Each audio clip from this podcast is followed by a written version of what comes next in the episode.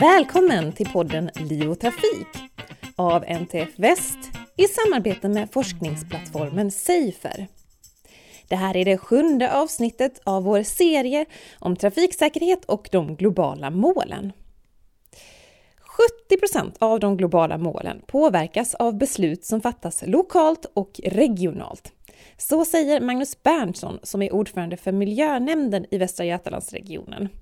Men han innehar också poster som andre vice ordförande i regionfullmäktige och ordförande för Europas största regionnätverk. Och I dagens avsnitt pratar vi om vilken roll just regionen har för att nå de globala målen. Från offentlig sida så kan vi vara lite katalysator i det här för att omställningen måste ske i industrin, Eh, men det kommer inte ske automatiskt om vi inte jobbar tillsammans.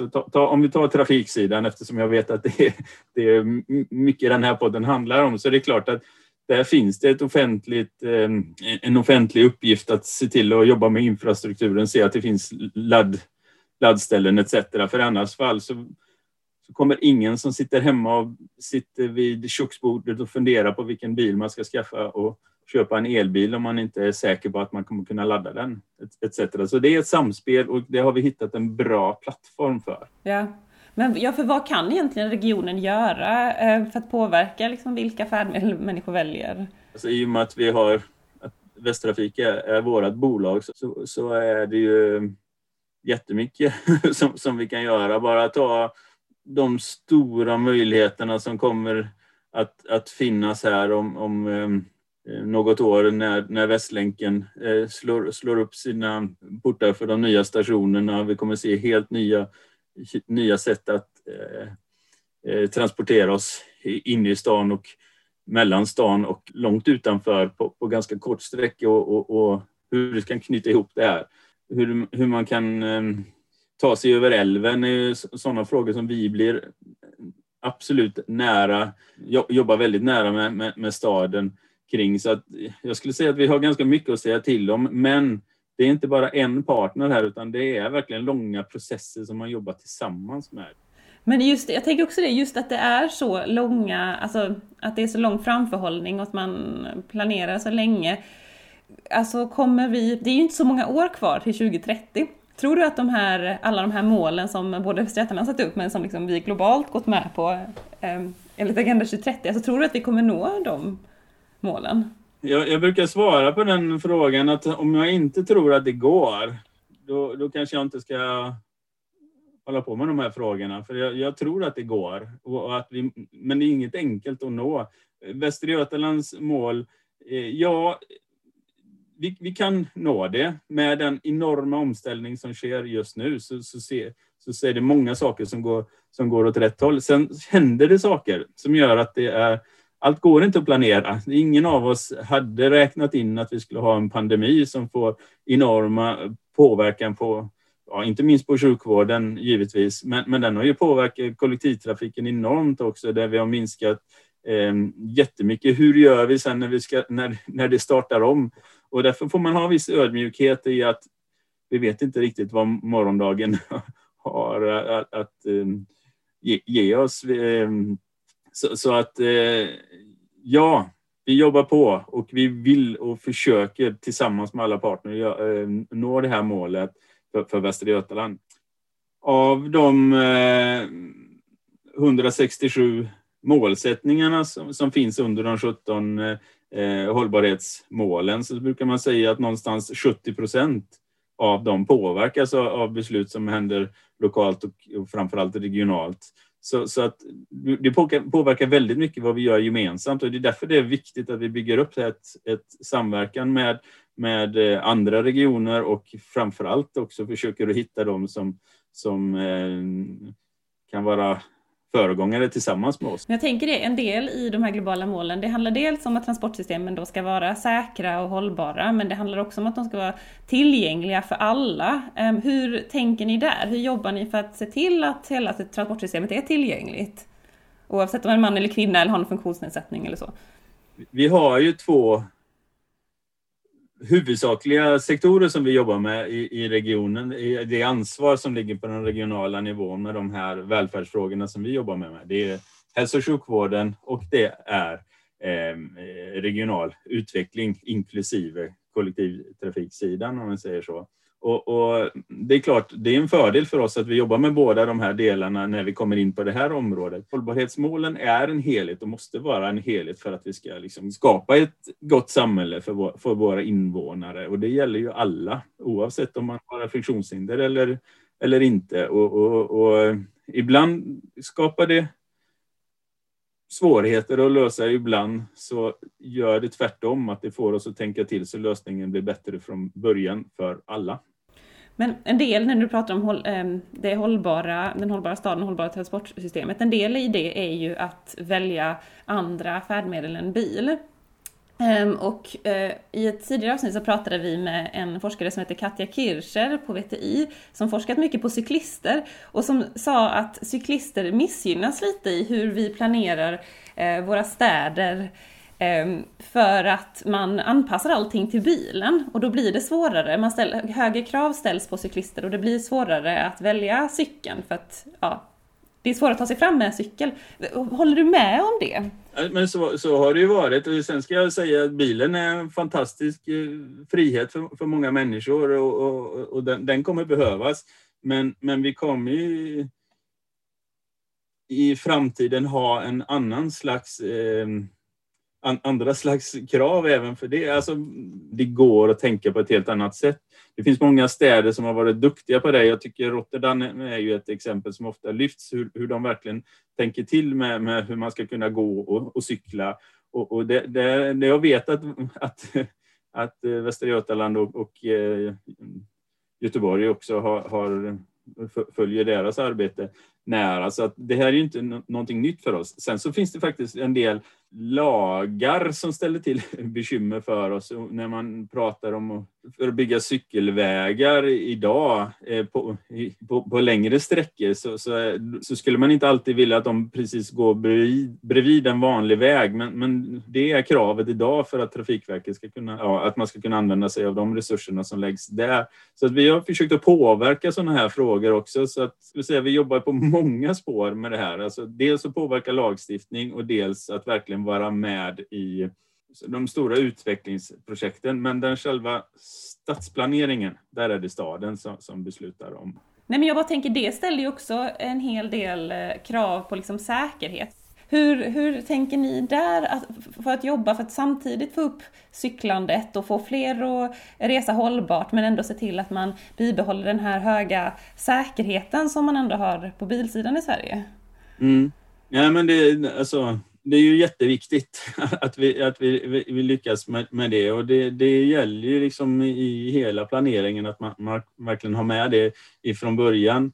Det är alltid svårt när det inte bara liksom offentliga satsningar det handlar om här, eller liksom eh, samhälleliga satsningar, utan det är, också, det är också individer som måste se till att man har cykelhjälm på sig. Det är också att man är uppmärksam vid, vid, vid de korsningar som är. Så att det, det, det är många steg här så, som, som organisationer som eran kommer verkligen behövas för, för, för i, i informations på informationssidan, men, men det måste också tas med från början i alla de trafiksatsningar som görs. Och, och det, ja, det, det, det, går ju att se väldigt många bra exempel som, som ibland med små medel får, får stora effekter, som, som när man satte upp de här eh, staketen mellan spårvagnsspåren för att man inte bara skulle springa rätt över.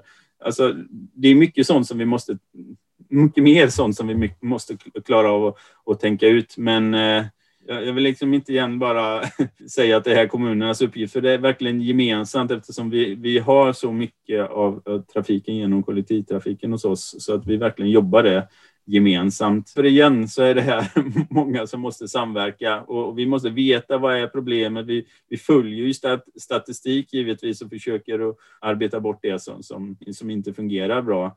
Men eh, det är ju väldigt många fler som har skaffat cykel nu under pandemin och, och är alla lika duktiga på att vara uppmärksamma i trafiken idag mot, mot de som var vana cyklister innan? Ja, det kan finnas många sådana frågor som vi, som vi måste följa och se om vi, om vi kan göra några åtgärder. Jag har inte exakta vilka åtgärder det skulle vara, men, men det, det kommer vara viktigt att, att, följa för att det har, det har skett en förändring. Mm.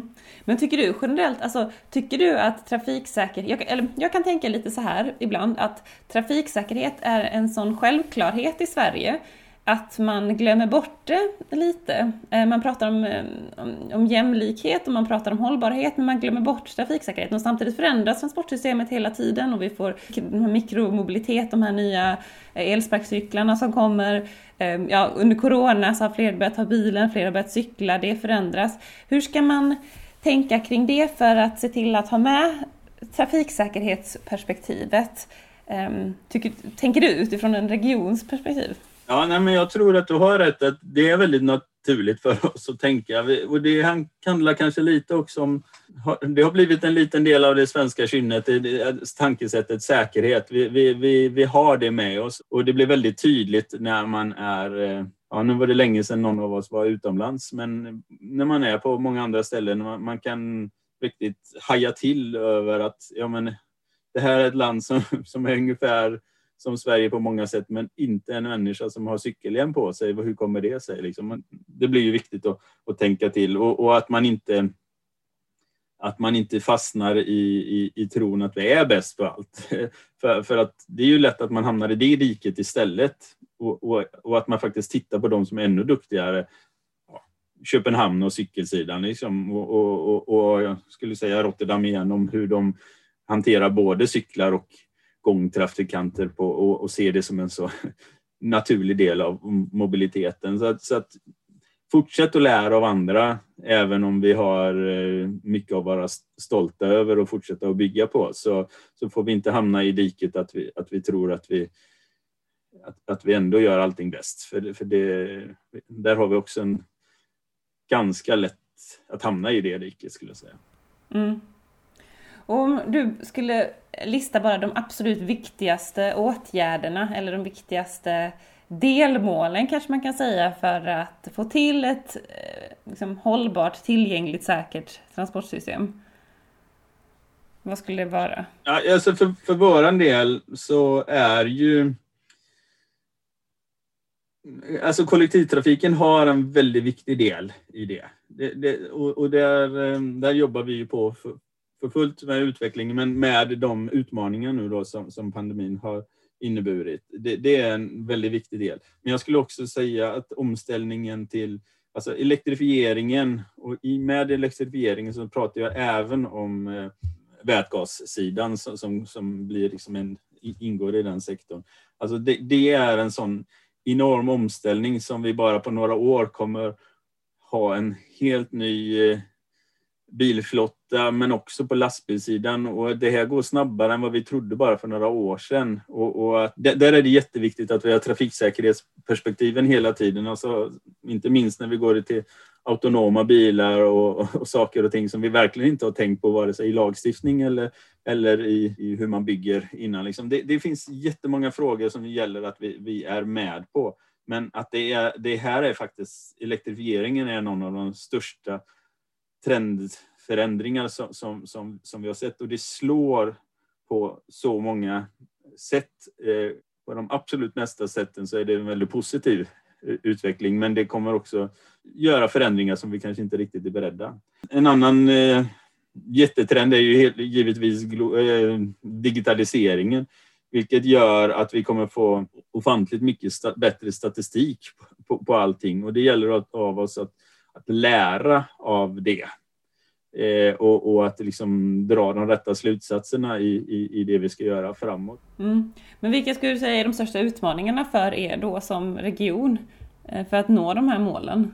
Som jag sagt igen, vi kan vara en katalysator för, för, för omställningen och, och rent krast, även om vi skulle göra allting rätt som, som eh, region, som organisation. Eh, och även om vi skulle göra allting rätt i hela territoriet i Västra Götaland så skulle vi knappt se det på någon slags decimal på den globala nivån.